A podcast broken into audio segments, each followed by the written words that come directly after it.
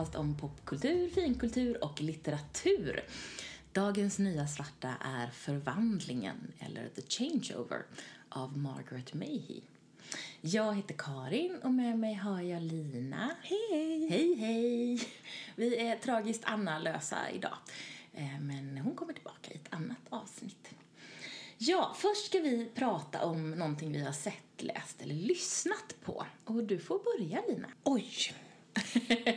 Alltid denna utmaning. Ehm, jag var ganska nyss på bio och såg... Säger du Jag vet, jag är jätteförvånad över det.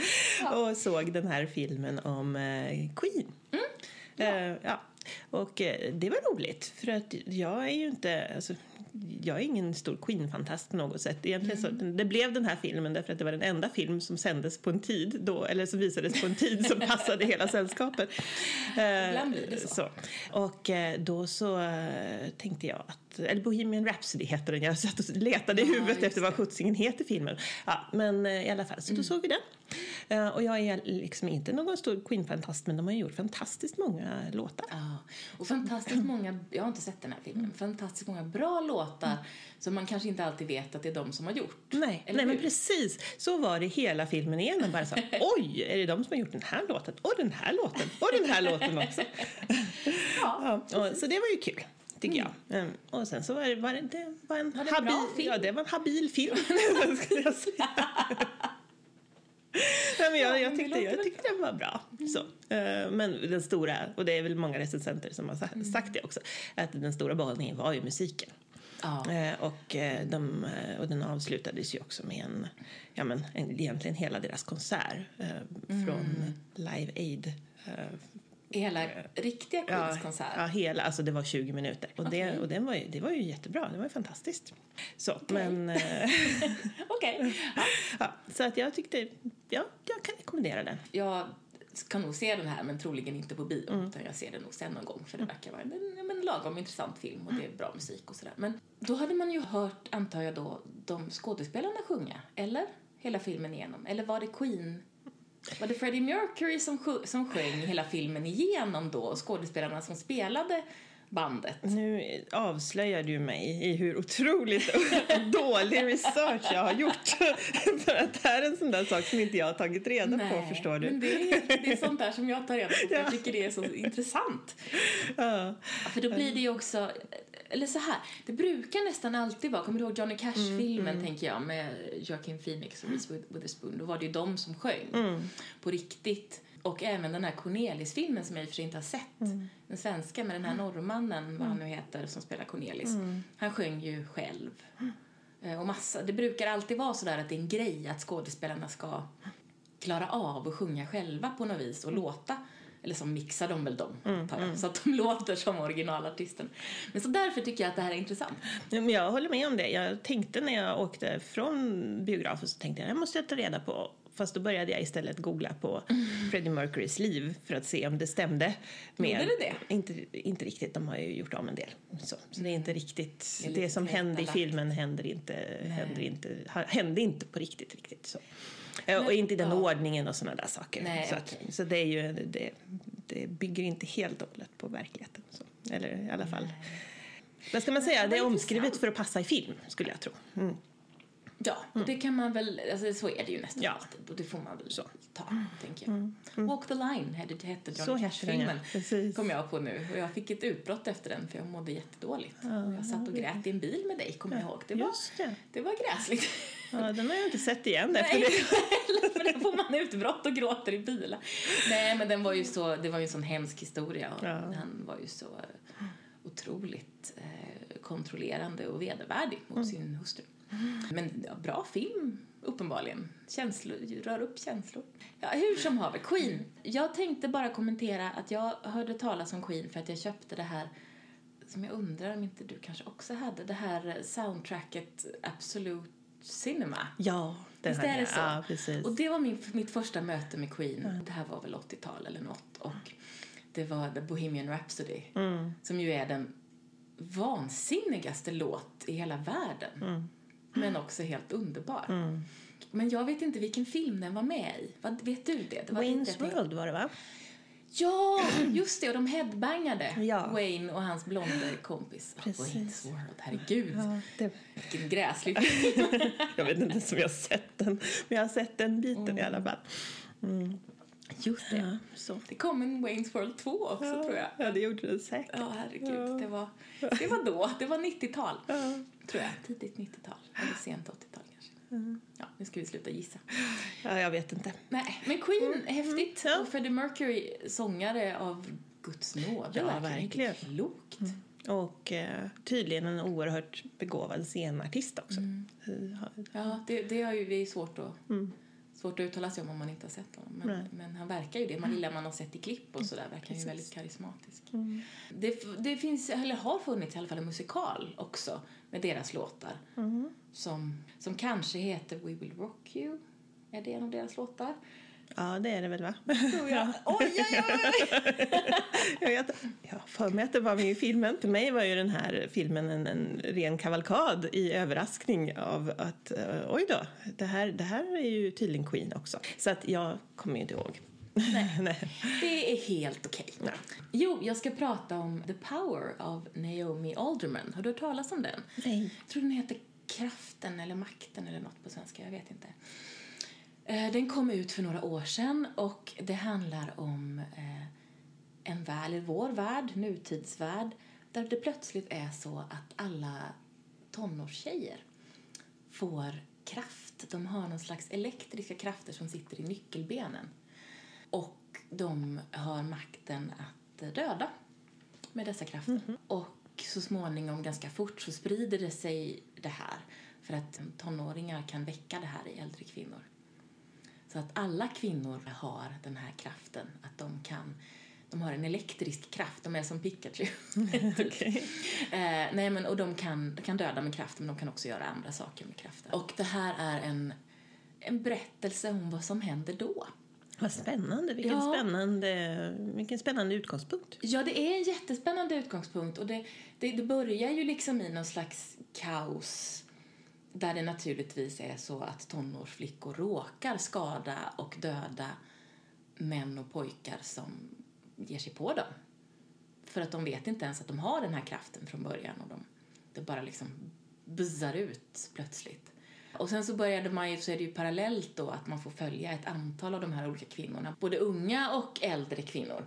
Bland annat en borgmästare som, som är med om det här och beslutar om vad, vad, som, vad, som, vad ska hon göra? För det är ju massa skolor och vad ska de göra med skolorna och kan pojkar och flickor ens gå i skola tillsammans i tonåren och sådär. Så det är väldigt mycket sådana frågor.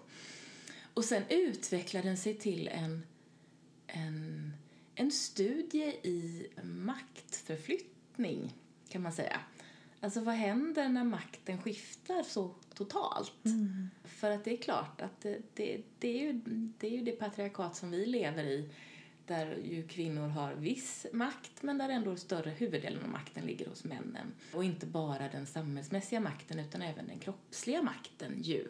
Eftersom män generellt är starkare. Och då är ju kvinnor plötsligt, de kan ju skada, kontrollera, döda män eh, när de vill. Och plötsligt så sker det en makt, eller under en, ganska, under en tid så sker det en maktförskjutning. Och vad händer då? Och vem, och hur de här olika kvinnorna eh, hanterar det här på massor av olika sätt och vad som händer. Och jag ska ju inte spoila den för den är en fantastisk bok. Men den är riktigt, det är riktigt tankeväckande och otäckt och jag blev i vissa delar arg på författaren. Men på ett bra sätt om du förstår vad jag menar. Att det kändes som att det här är ju ja, det fick mig att tänka väldigt mycket. Vad intressant. Det låter som en jättespännande bok. Den är lite, alltså, den drar lite åt det hållet som Sherry Stepper. Vissa av hennes, till exempel Gay to Women's Country, där det är på någonstans. Men den tar det hela vägen ut. Att det verkligen är så att makten är, blir helt förskjuten. För vad ska männen göra? De kan inte liksom hävda sin makt och de som försöker får ju liksom känna av det, att de inte har makten längre. Det, det, ja, det är häftigt på väldigt många plan. Och delar av den är ju en sån där väldigt skön känsla av upprättelse. Och den är, den är rejält blodig och våldsam också. Men, men på ett häftigt sätt och mycket, Många, många tankar. Det här måste jag komma ihåg. Jag, jag, Jag ska slänga aldrig, den på dig någon dag. ja, jag kommer ju aldrig ihåg hemma. vad vi har pratat om. Så jag, går- det här med tips, tipsandet är ju jättedåligt för mig. För att jag glömmer ju alltid bort det hela. Så fort jag tänker att... Men nästa gång vi träffas så ska jag ta med mig Ja, den till dig bra. och slänga den i huvudet på dig och säga läs den här. så har jag den i handen. Ja, så kan du titta på den. Den har dessutom ett vansinnigt vackert omslag mm, som jag kan ta en bild på och lägga ut på Instagram eller något ställe. Det tycker jag du ska göra. Ja, det var dagens sett, läst eller lyssnat på. Och nu ska vi gå in på Förvandlingen av Margaret Mayhew. Förvandlingen, en övernaturlig romans som skrevs av Margaret Mayhew 1984. Eh, och du och jag har varsitt sönderläst exemplar på svenska. Eh, jag minns att jag fick den när jag var kanske ja, 13 kanske, eller något i den stilen. Mm. Och Laura i boken är 14. Jag vet inte hur gammal du var, kommer du ihåg det? Jag måste ju ha varit där någonstans. Vad sa du? Du var skriven 80, 84. 84. Ja, för jag tror jag fick den när jag var typ kanske 11 eller någonting sånt där. Och sen så låg den till sig hos mig. Så jag tror att jag kanske läste den också någonstans i 12-13 års åldern. Så jag fick den av min faster. Och det är nog den bästa present jag har fått någon gång, tror jag. Och jag fick den i julklapp av min farbror. Och det var ju för att jag hade önskat, men jag hade liksom sett ut den i någon bokkatalog, ni vet, eller du vet, den här bokkatalog som man sa, det här verkar spännande. Och så hade jag prickat för den och så ville jag, jag önskade mig den så hett. Så jag minns, eh, för då hade ju mina föräldrar det liksom delat ut och sagt till min farbror Bosse att han skulle köpa den. Så jag minns att jag var hemma hos farmor och farfar och tittade under granen och liksom tänkte den här ser ut att vara rätt storlek. Att det liksom paketet var rätt storlek och jag bara hoppades, hoppades, hoppades, hoppades att det skulle vara den. Vad roligt. Och sen så slängde jag liksom, på julafton så slängde jag mig över den. Eh, jag vet att jag gick upp ehm, i farfars arbetsrum så låg, sov jag på en madrass. Han, hade, han var ju jägare han hade sån här älgkranium höll jag på att säga och det var det ju med älgkranium med horn på på väggen. Och så låg jag där och läste och läste och läste och läste, jag tror jag läste hela natten. Och bara sög i mig den här eh, boken. Ehm, Det var roligt, för jag visste ju absolut ingenting om den när jag fick den. Nej. Och som sagt så tog jag inte, började jag inte läsa den på en gång utan den, den, den låg hemma hos mig ett tag och så hittade jag den och så läste jag den och så minns jag att jag tänkte att men hur, hur kan jag inte ha läst den tidigare? Precis. Ja, nej, men och den handlar ju då om Laura Chant eh, som är en alldeles vanlig tjej på Nya Zeeland. Eh, för Margaret Mayhew är ju nyzeeländsk författarinna. Och hon är 14 år och hon bor med sin eh, mamma Kate och sin lillebror Jacko som är tre år.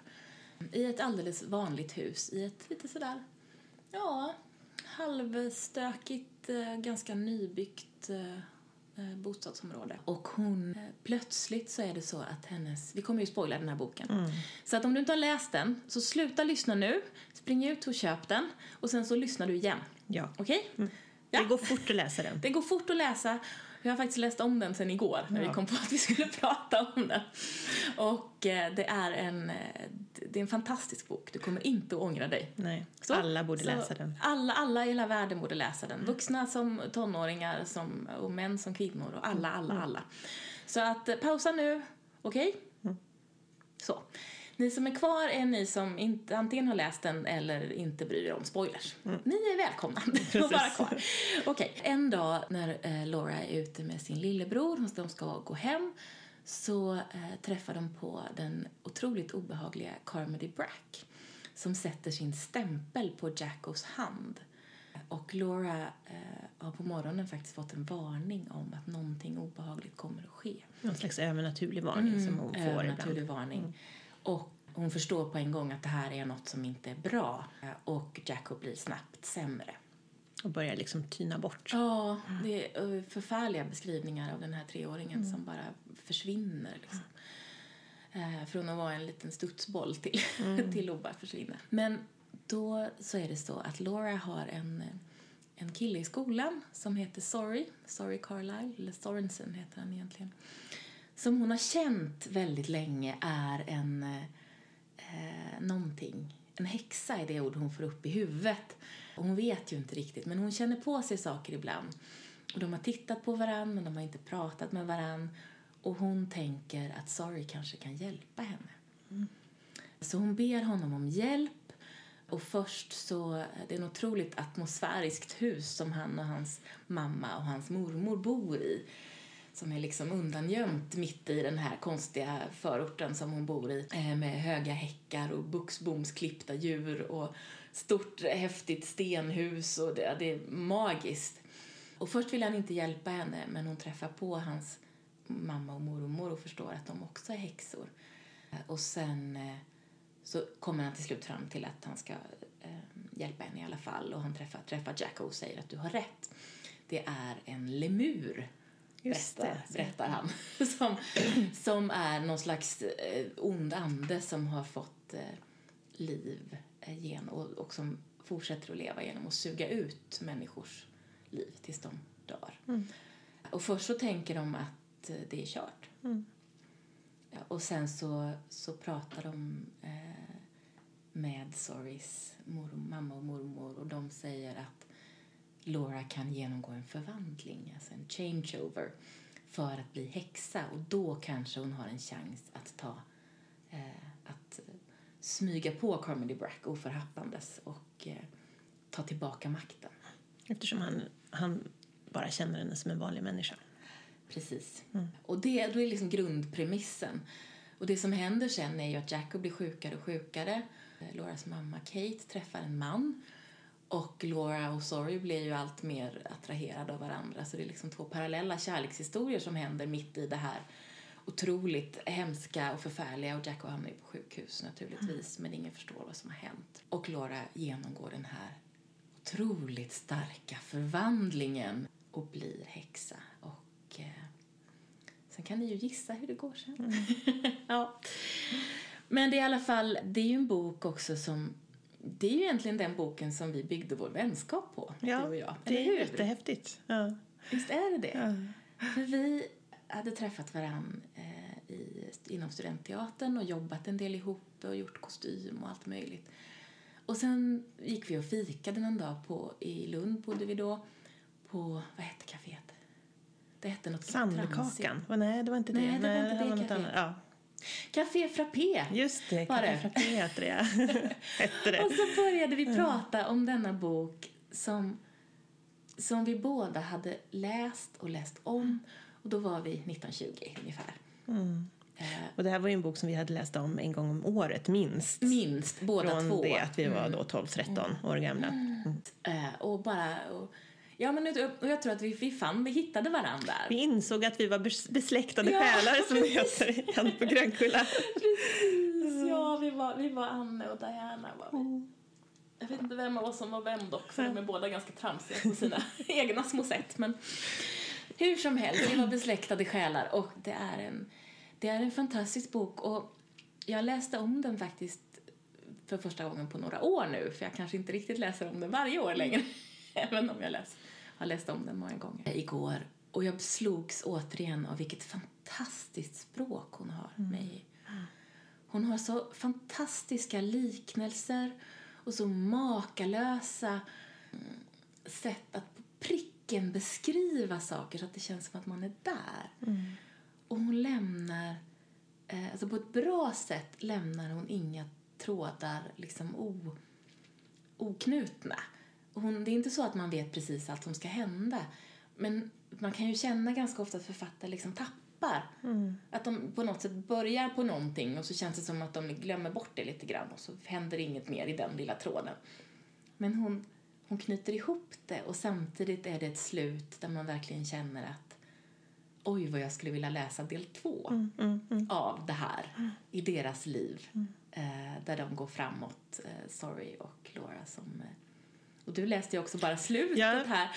Och då slog det mig alltså att eh, den, därför att det här är ju en bok som passade så himla väl för mig som då tidigt, tidiga tonåren och under tonåren. För att det handlar ju om det handlar ju egentligen om den första kärleken och sexualitetens vaknande och jag menar, allting det här också för, förvandlas, alltså att förvandlas till vuxen. Och, alltså, Ja, den är ju väldigt... Det sättet är den ju... Man kan ju läsa alltihopa som en metafor. Ja, men samtidigt då, så nu, nu då när jag bara läste några sidor så slog det mig också, också att, den, att den, den funkar ju för vuxna också för att den har en, ändå, den har ganska vuxet tilltal. Ja. Alltså den, den skriver, hon, hon skriver på ett sätt som faktiskt är ganska avancerat trots att den då riktar sig till tonåringar. Ja. Och det är väl därför den också har hållit i så många år för oss. Det tror jag. Och hon skriver ju ehm, hon skriver ju utifrån Kate också, alltså Lauras mamma, på ett sätt som absolut gick mig förbi när jag var barn, men som jag ju nu kan uppskatta. Och jag ska bara berätta att Lauras mamma är 35. Åh herregud! Ja, jag vet. Hon är alltså yngre än vad vi är nu, vilket känns helt befängt. Och hon är sådär slitet vacker hela tiden och jag Just tänker, det. ja, ja, nej. Jag är inte sådär slitet vacker som Kate. Jag kommer aldrig någonsin vara det. Jag var inte det när jag var Men hon är i alla 35. fall yngre än Alfons Åbergs pappa som tydligen var 36. Så att, Och som ser ut som min farfar gjorde när han var 75. Ja, det är helt sant. Du har helt rätt. Men, men ja, det var spännande. Hon var 35 i den här boken alltså. Vilket är jättekonstigt. Men, eh, men ja, och det handlar, det är väldigt... ehm, det är så tydligt att Mayhew har varit med om en massa saker. Alltså jag tror att, att hon, hon har definitivt varit med om, om eh, liksom vuxen, vuxen kärlek och kanske skilsmässa eventuellt också. Men i alla fall det här med misslyckade relationer från ett vuxet perspektiv också. För eh, Kates relation och hennes reflektioner kring liksom hennes relation till Loras eh, pappa och då är skilsmässan. Och hon, har, hon säger till exempel för Loras pappa har flyttat till en annan stad och har en annan fru som det visar sig under den här boken att hon är gravid. Och eh, han är lite sen med underhållsbetalningarna och, och, och Kate har en, en utläggning om det. Att hon säger att ja, jag kan, jag kan på ett sätt förstå det. För att pengarna som man har i handen är ju alltid de man har i handen. Och det här måste ju kännas lite som att betala till någon slags spöken av mitt gamla, eller sitt gamla liv. Och det är ju en otroligt vuxen reflektion som egentligen inte eh, jag tror jag tänkte så mycket på. Eh, Men som samtidigt, jag känner att jag Alltså jag fick en inblick i en vuxenvärld genom den här boken och genom Kate. Och, för, och för den delen genom Lauras uppvaknande eh, på ett sätt som var väldigt positivt. Jag tänker också på alltså, vissa av de här te temana som tas upp i boken som kanske också var lite för avancerade och jobbiga eh, när jag läste den som, som tid, i tidiga tonåren. Alltså dels, också, eh, dels det här med Kates reaktion på att Jacko är så sjuk och då inleda en relation med den här mannen som jag nu har glömt vad han heter. Vad heter Chris han? Chris, just det. Mm. Eh, men ja, dels det som, som jag inte alls riktigt kunde förstå när jag läste den här boken först. Eh, och sen så också Sorrys berättelse. Eh, Ja. Hans bakgrund med, Hans, eh, ja, i fosterhem. och egentligen ja, misshandel. Och, eh, otroligt illa ja, behandlad. precis. Men jag tänker att det där är så, alltså det där är ju tecknet på en riktigt, riktigt bra författare. För att hon skriver ju på olika nivåer. Jag kunde ju ta till mig de här hemska berättelserna som 12-13-åring, hur gammal jag nu var. Och förstå att det här var helt vedervärdigt. Men de drabbar mig ju mycket hårdare nu som vuxen. När jag tänker att, men herregud, det är en 15-åring som blir nedslagen av en vuxen man och instängd i ett skåp i källaren. Alltså det är helt vansinnigt. Eller det är en treåring som håller på att dö och bara ligger i en sjukhussäng och ser ut som en liten gubbe. Alltså det är så hemskt som man bara... Det går verkligen inte att förstå. Eh, och, eller det går ju det, för att Mayhew skriver så bra. Men hon skriver det på ett sätt som går att ta till sig i olika nivåer. Och det där är ju så... Det där, de allra bästa YA, alltså young adult-författarna gör ju så. Är, kan ju det. Eh, och hon är en av de absolut bästa. Och eh, jag, liksom du, har ju läst allt annat av henne som vi har fått tag på. Eh, men den här är ju bäst. Ja, men det här är, det här är ett mästerverk. Så är det. Mm, det här är ett mästerverk, det här är hennes mästerverk. Men om man ska tipsa om andra så eh, Trixarna, The Tricksters, är ju fruktansvärt bra. Det är jättebra. Eh, också. Eh, Och kanske ännu... eh, Den är ju lite Den är vuxnare. lite vuxnare. liksom. Hon är äldre, hon är kanske 17 eller något i den stilen. Och hon, det handlar om en ung flicka som träffar på trixare på stranden kan man väl säga. Precis. Ja, och sen händer det en massa konstiga saker. Men hon har en väldigt, hon har en väldigt intressant familj också. Överhuvudtaget brukar det vara spännande familjer. Eh, sen är ju den här The Haunting, eh, Gengångaren heter den väl. Som handlar, det är också en flicka och hennes... Nej, Nej, det är en pojke? Det är en pojke, är det, ja. Det är en pojke, ja. Så är det. En pojke och hans stora syster är det. Kommer inte ihåg den Och alls hans faktiskt. stora syster är en häxa visar det sig. En myster, hon- det är hon som alltid liksom har gömt sig själv. Mm, just det, just det. Ehm, och han blir hemsökt av någon Mm. som kommer och liksom vandrar in i hans huvud och säger att jag snart ska komma och så rullar det upp ett fantastiskt släkthistoria. Eh, så den är också helt fantastisk. Det finns ju eh, lite för lite äldre och där vet jag inte vad de heter på svenska men det finns en som heter 24 hours och en som heter Alchemy som ju är för äldre tonåringar som är lite mer drar lite mer åt urban fantasy-hållet kan man väl säga. Um, och sen har hon ju skrivit, nu tar vi allt det här från minnet, jag har ingen Mm. lista. Ett gäng barnböcker har ju skrivit också. Ja, just det. Alltså barnbarnböcker, de har jag inte läst så mycket av Nej. eh, faktiskt. Fast jag har en av dem som jag väntar på att mina barn ska bli stor nog. För den är lite för ordrik än så länge. Som heter något i stil med Det stora piratdunderkalaset. Ehm, som är kul. Eh, Men hon har skrivit för både, ja, men för både för barn och för inte något för vuxna, men för, för äldre tonåringar och alla hennes ungdoms och liksom äldre ungdomsböcker kan man ju läsa som vuxen också med stor behållning. Absolut. Eh, Hon har skrivit en som heter The other side of silence som jag inte heller vet vad den heter på svenska men som handlar om att det handlar om systrar. Ja, inte. Eh, tror jag, för då sabbar jag den. Men, eh, och sen den här, åh vad heter den, den här som handlar om universum. Alltså de är två stycken, Angela och Ja, är något med Tycho. Adrian, va? Eh, Tycho. Tyck, nej, just det. Tycho, just det. Tycho heter han, eller Tycho antar jag på engelska. Och hon bor med sin mamma uppe på berget. Och, mm, vad heter den? Det får vi lägga ut i efterhand. Det får vi lägga ut, vi får göra en lång lista på alla de här rekommenderade böckerna. Och, men vi rekommenderar ju alla hennes böcker, hur? Absolut, absolut. Så det är bara att ta en. Men börja med förvandlingen. Gör det. nu när vi har spoilat skiten av den, börja med den. ja, men den är så bra. Eh, hon skriver så fantastiskt. Jag tänkte faktiskt läsa en bit. Eh, för att eh, ur början här, nu ska vi se. Det är alldeles, alldeles i början, sidan åtta i den upplaga som vi båda har. För vi har varsitt väldigt slitet exemplar av den här upplagan som Inger Edelfelt har gjort eh, omslaget på.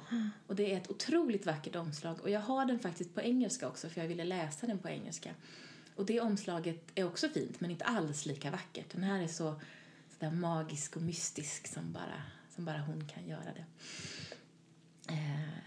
Men i alla fall, så här är det. Laura har precis duschat och bestämt sig för att inte tvätta håret.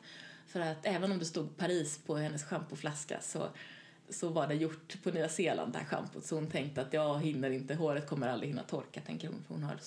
eh, och så har hon precis liksom hittat en handduk, för det är ett ganska underbart stökigt hem de har sådär, eh, hon och Kate och Jacko. Och så får hon syn på, eh, syn på sig i badrummet. Spegeln hade placerats i den immigaste delen av badrummet och i den kunde hon bara se ett suddigt spöke. Men denna otydlighet tilltalade henne, för hon var lite osäker på bilden av sig själv och föredrog ofta att den skulle vara lite dimmig och inte alltför tydlig. Det hjälpte inte hur hon än ansträngde sig för att ta sitt ansikte med överraskning. Hon lyckades aldrig riktigt och tyckte det var svårt att inte riktigt veta hur hon såg ut när hon inte försökte. Det var mycket lättare att henne, när hennes kropp fyllde henne med försiktig optimism. Den där tycker jag är så himla fin därför att den är, eh, den säger så mycket, eller jag identifierade mig så mycket med det här när jag var tonåring. Mm. Och den visar också på hennes, hon väver in såna här ögonblick Mm. hela tiden mig i. Det är ständigt såna här ögonblick eh, i det här. Ja, men, och det är ju det som är så fantastiskt, för även om den är, den är övernaturlig och den handlar om, om häxor och det är Ja. liksom... Så, Och så, så, så är det ju i första hand en vardagsskildring. Ja, och den är väldigt...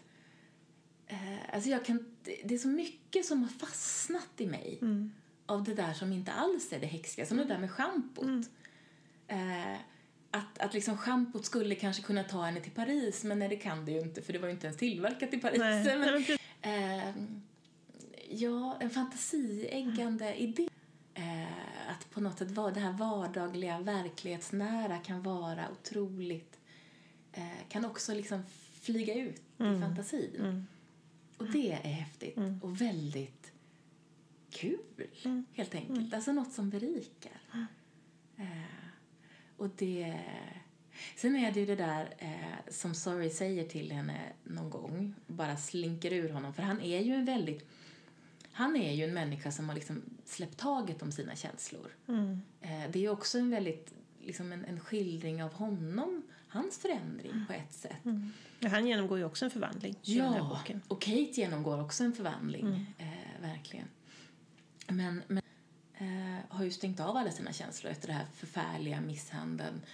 Och sen dök han upp då hos, eh, hos sin mormor, eh, Miriam och Winter heter de som är så vackra. Eh, de tar hand om honom och förstår att han är den häxa de trodde att dottern som de trodde att, att eh, Miriam skulle få skulle vara. För det är ju därför som de lämnar bort honom, för att han är pojke. Vilket ju också är en... Jag tänker det här kom på 80-talet, det är en ganska bra utmaning av normtänkandet där. Att, eh, och han säger vid något tillfälle, sorry, att han, han är någon slags... Ja, han säger det när de möter eh, Carmody Brack, så säger han att han är någon slags kuriositet Ja. på något sätt. Jag är en man.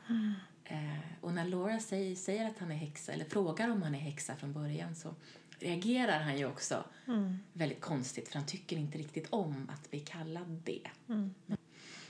Jo, men det han, han slänger i eh, när hon, över att allting är jättejobbigt, för det man, man följer ju dem under några dagar som är helt omöjliga också eftersom eh, lillebrorsan Jack håller ju på att dö verkligen. Så säger han att det känns som att jag har alla fördelarna av att vara gift med dig och inga, nej, alla nackdelarna av att vara gift med dig, förlåt, och inga fördelarna. Han, eh, och det kommer de tillbaka till flera gånger. Mm, mm. Eh, och den där tänker jag på, har jag tänkt på i mitt liv, inte kanske så mycket nu men ändå. Eh, för det är en sån där sak som en tonåring kan slänga ur sig.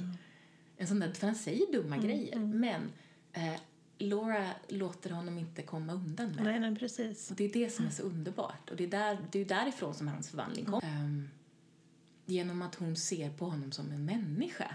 Vilket liksom ingen annan gör, för, han är, för hon är 14 och han är 18. Eh, och han är ordningsman i skolan och ska precis gå ut och göra något annat. Och, eh, och han har liksom spelat människa. Det är lite som att han har varit, eller att han är autistisk kanske, eller att han har slutit sig på samma sätt som man kan känna att människor med autism kan känna slutna. Att, att känslorna liksom inte är med utan att de på något sätt hittar tekniker för att hantera eh, verkligheten. Ehm, Och visst är det så att Winter och Miriam är lite rädda för honom på något Ja, sätt? Att de är de är- liksom, eh, i alla fall... De är oroliga och de är lite och de säger också väldigt tydligt att eh, till Laura att vi kan inte lova att han är säker. Nej, alltså vi kan inte lova att han inte gör något som du inte vill. Mm. Och då menar de det tror jag både utifrån på ett liksom, sexuellt plan men också på ett eh, magiskt plan. Att vi kan inte lova att, han är liksom, att det är tryggt och säkert att hänga med den här oberäkneliga unge häxan. osko. Alltså, ja, han har ju inte uppfostrats som häxa då heller, Nej, utan han har ju precis. upptäckt sina krafter på något sätt. Mm, och inte efterhand. haft någon, något stöd i att hantera dem. Men han är ju också en fantastisk karaktär. Alltså, Ja. det, han, han är ju så fin. Ja, Sorry. när man lär känna honom så blir han ju så fin.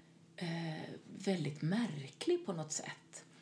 Men, men han, är ju, han är ju varm på något vis ändå. Det finns ju en värme i honom. Och just det här Och när jag var i Lauras ålder och liksom lite yngre också så tyckte jag ju att han var så fruktansvärt sexig. Ja, precis. Det, det tycker jag ju inte riktigt nu faktiskt. Men, men jag tyckte att det var, alltså just, ehm, de hade tittat på varann Mm. så länge och eh, man, det, man får ju reda på att när hon kommer, han har ju haft någon egen märklig fantasibild av den här flickan som han märker ha, ser vem han är, ser att han är någonting annat än bara en ihopknäppt ordningsman som försöker vara duktig i skolan.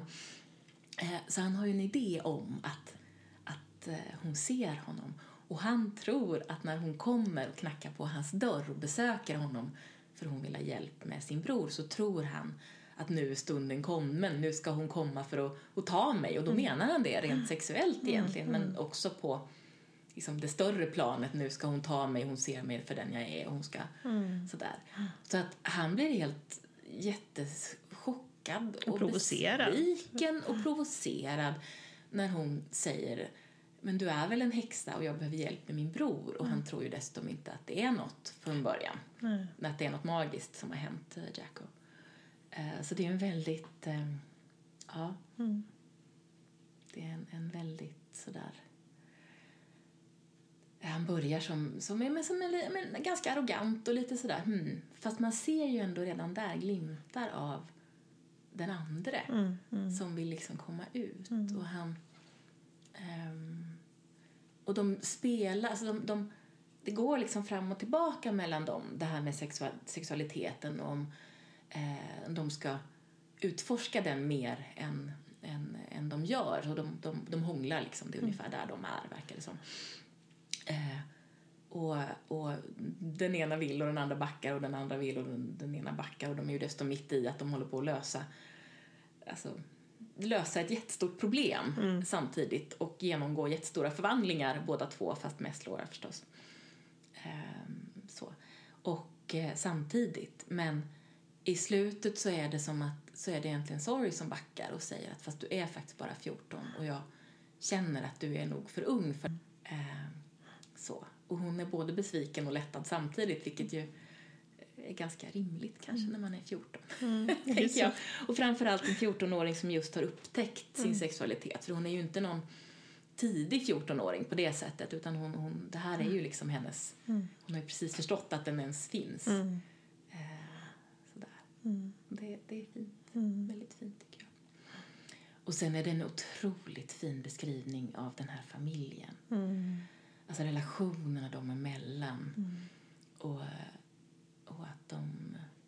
Och kärleken, alltså att de, de, de är en familjeenhet. Laura och hennes mamma Kate och Jacko är en sån otroligt tajt familjeenhet och de har inga pengar. Mm.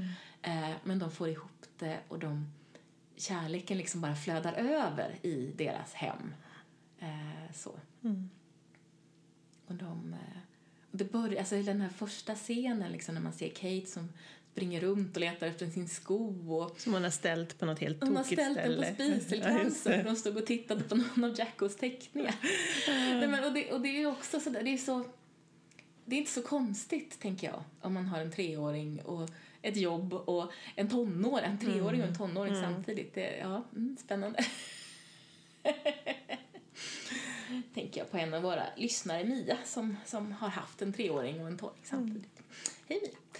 Eh, men eh, hur som helst, det är väldigt... Eh, eh, det är väldigt, väldigt fint och deras hem som beskrivs liksom som eh, lite sjaskigt och lite nedslitet och ingen ordning på och kitten som visslar och den är trasig och allting är liksom lite sådär eh, sherryn är symbolisk och smakar jätteilla.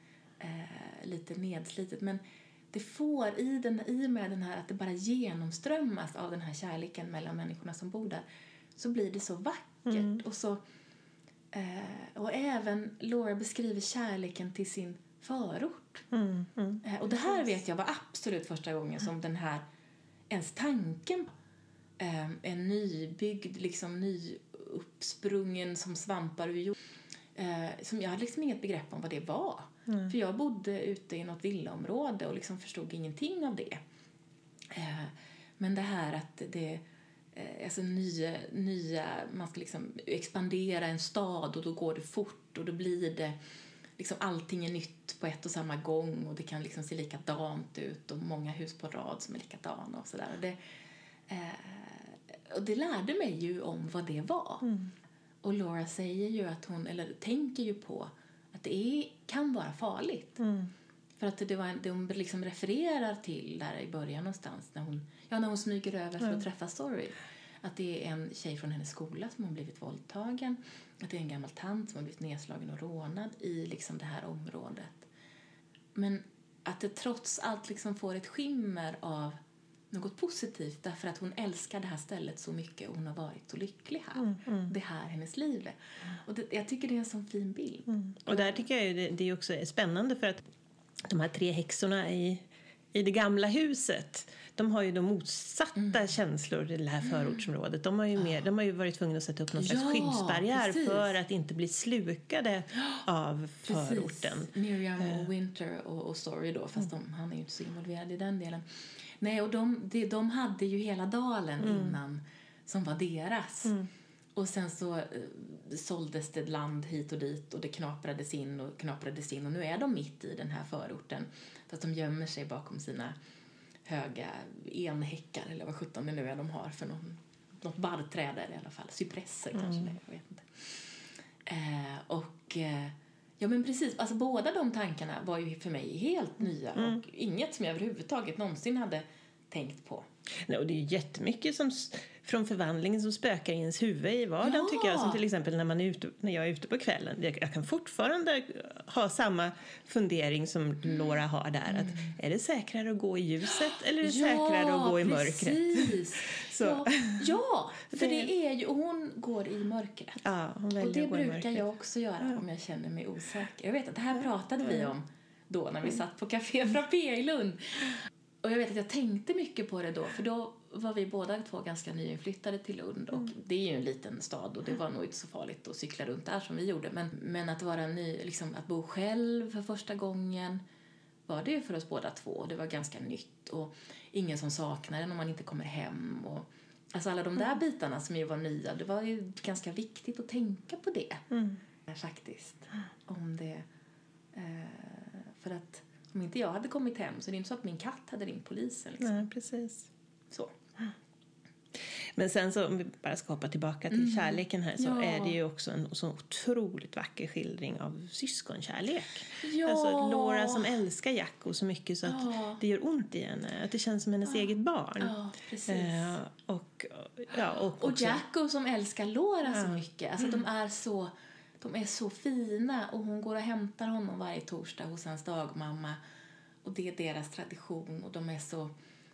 Eh, och vi läste ju nu, eller du läste ju sista sidorna för jag var inte riktigt klar med de sista sidorna inför den här poddinspelningen. Och det här jättefina när liksom Jacko är med. Mm. Eh, De är tillsammans. Och eh, Laura säger ju till Jack, och framförallt på sjukhuset när hon ska gå in och göra sin förvandling, att du måste, du måste hålla hårt, du får inte släppa taget, jag kommer att rädda dig, säger hon. Och sen när hon väl har liksom övervunnit Carmen DeBrack och så går hon till sjukhuset igen och liksom lockar fram honom och säger att nu är det jag. Nu kan du släppa taget, nu kan du komma fram. Och i slutet så sitter han i hennes famn och pratar om det från ingenstans. Eh, Släpp inte taget. Nej. Åh, så Ja, det är så fint. Nu fick vi tårar i ögonen. jag, fick, jag kanske ska läsa den också. Jag gör det. Den är så himla fin. Jacko lutade huvudet mot Laura och iakttog dem drömmande. Plötsligt kom han att tänka på något och satte sig upp och vände sig mot henne. Släpp inte taget, sa han och kom ihåg något konstigt. Han tittade på hennes ansikte som att han såg det för första gången. Det var det du sa till mig, eller hur Lolly? Släpp inte taget, sa du. Och jag släppte inte. Jag höll så här. Han knöt sina händer till knytnävar och förvred sitt ansikte. Jag släppte inte taget och sen kom du och släppte ut mig. Ut varifrån? frågade Laura viskande. Ut från mörkret, sa han osäkert. Jag tyckte inte om det, Lolly. Jag släppte inte taget, eller hur? Du höll ut jättebra, sa Laura. Och han lade tillbaka sitt huvud mot henne, nickade åt sig själv och började suga på tummen igen. Så han såg inte att hon grät lite med huvudet sänkt i ett rum fyllt av vin och dans och musik. Mm. Ah, så fint. Det är så fint. Jag ska säga att eh, Kate och Chris dansar. Det är de tittar på när de dansar. Och eh, Laura kallas för Lolly mm. Eh, i sin familj. Ja, men det är så fint. Men nu, ja, nu vet ni att den slutar lyckligt så ni behöver inte oroa er för Jacob. för det gör man ändå, för det är så otroligt kraftfullt skrivet allting. Och där är ju otroligt fin och hemsk och, och um, trovärdig skildring av Kates sorg. Hur, när hon inser att hon kommer att förlora sin son. För att mm. det är ju det också. Så det, mm. det... Hon sätter sig... Det är en otroligt bra skildring när, Kate, när Laura kommer tillbaka och är liksom uppfylld av energin. Mm. För hon har besegrat Carmody Brack och liksom har sudda, liksom tagit med sig all hans energi. Och hon kommer in och bara sprakar om henne. Och Kate tittar på henne och liksom sådär lite, kan inte riktigt, orkar inte med att Laura bara sprakar av livsglädje men kan ju inte säga något om det för det kommer hon inte att säga något om. Och så sätter de sig om varsin sida om Jackos säng på sjukhuset.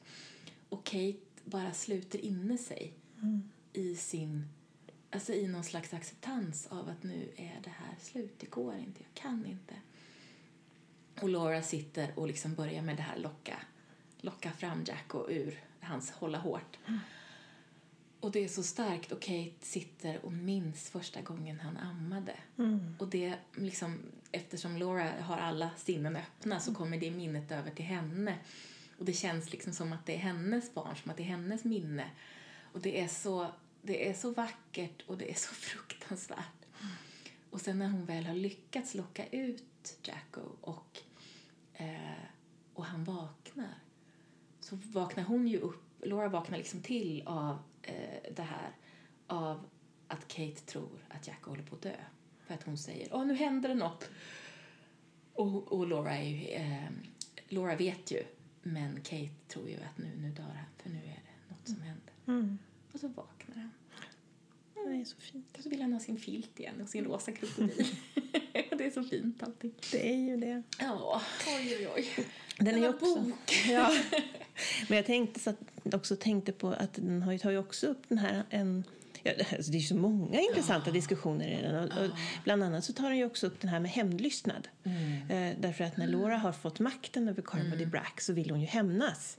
Det är eh, klart hon vill. Ja, det är klart hon vill. Och det är också ett ganska vuxet mm. resonemang. Väldigt. Var tar vi, alltså vad använder vi vår makt till? Vad, och vad och kan vad vi göra med oss? Och vad gör den med oss? Mm. Ja, apropå The Power och Naomi mm. Alderman som jag pratade om i början. att låt, alltså det här med makten som korrumperar.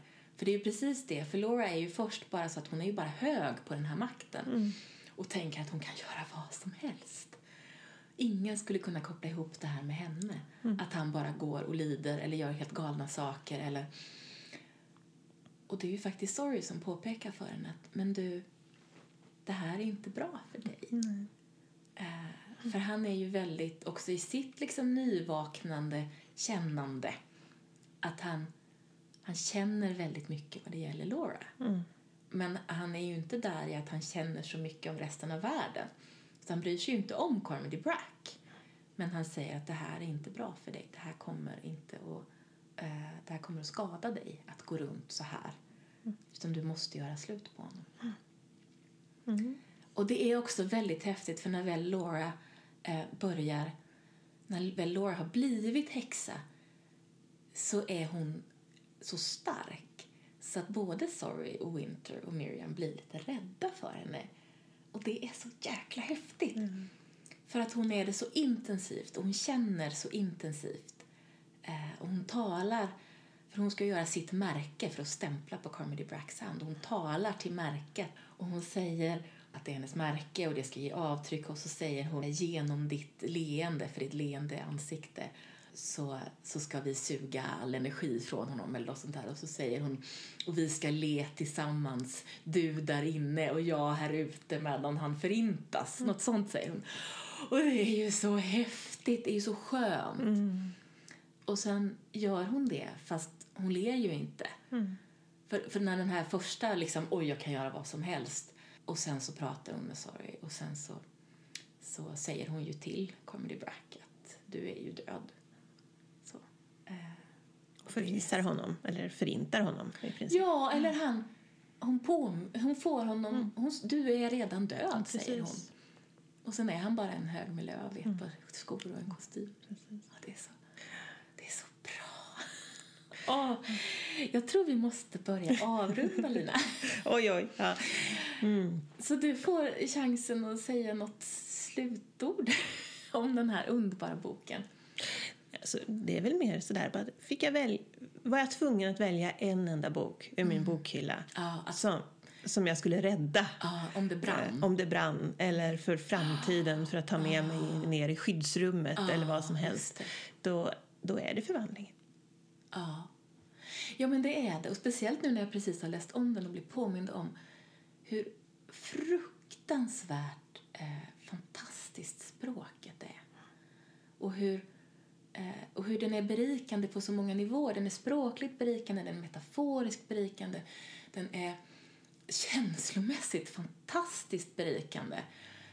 Och det är så mycket som är så vackert och så hemskt och så berörande och så vardagligt. Ja, Så. Ska vi avsluta med krusbärskrämen? ja det, det måste vi. vi nästan ja. För det, det, det, det säger vi till varann ibland. De pratar lite om krusbärskräm. Jo, men så här är det att i, precis i slutet, eh, ganska snart efter det här som jag just läste upp, så får de eh, kontakt med varann, eh, mental kontakt med varann. Laura och Sorry. Laura och Sorry. Och, ehm, och de pratar lite om framtiden och vad som ska hända. Och så eh, frågar Sorry, "Vä- du känns så kärleksfull, tänker du på mig? Och Laura säger nej, jag sitter och har Jacko i famnen. Och så kommer de fram till att ja, men kärlek är kärlek, är kärlek eh, oavsett. Och eh, sen så säger Laura, du känns också kärleksfull, tänker du på mig? Nej, jag tänker på krusbärskräm. Men det är egentligen samma sak. ja, precis. Det är min favoritkräm, säger han. Vad är den där skarp och... eh, Skarp och någonting samtidigt. skarp Skarp och- och... Nu får jag nästan plocka fram boken här. Ja. Den är mjuk och skarp samtidigt. Mm, precis. Så Det, det är jätte... Det är jättefint. Det är fint. ja. Ja, då ska vi avsluta detta. Och det var underbart att prata om den här boken. För det var länge sedan vi pratade om den så här detaljerat.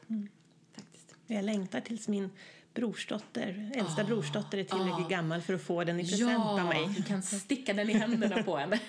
Ja, precis. Så hon kan få, få den också från sin faster. Precis. Det är ju Ja, poetiskt. det är ju vackert. Hur som helst, tack för att du har lyssnat på Det Nya Svarta. Om du gillar det vi gör får du gärna rekommendera podden till någon du känner. Du kan också skriva en recension i din poddspelare eller på vår Facebook-sida. Om du vill veta mer eller kommentera det vi har pratat om hittar du oss på Facebook, Det Nya Svarta Podcast, på Instagram, Det Nya Svarta podd eller mejla till nyasvarta@gmail.com. På vår hemsida kan du hitta länkar till det vi har pratat om och lyssna på fler avsnitt. Detnyasvarta.podbean.com Podbean stavas P-O-D-B-E-A-N. Du hittar också alla våra avsnitt på Apple Podcasts, alltså det som förut hette iTunes, Google Podcasts och där poddar finns. Hej puss ses!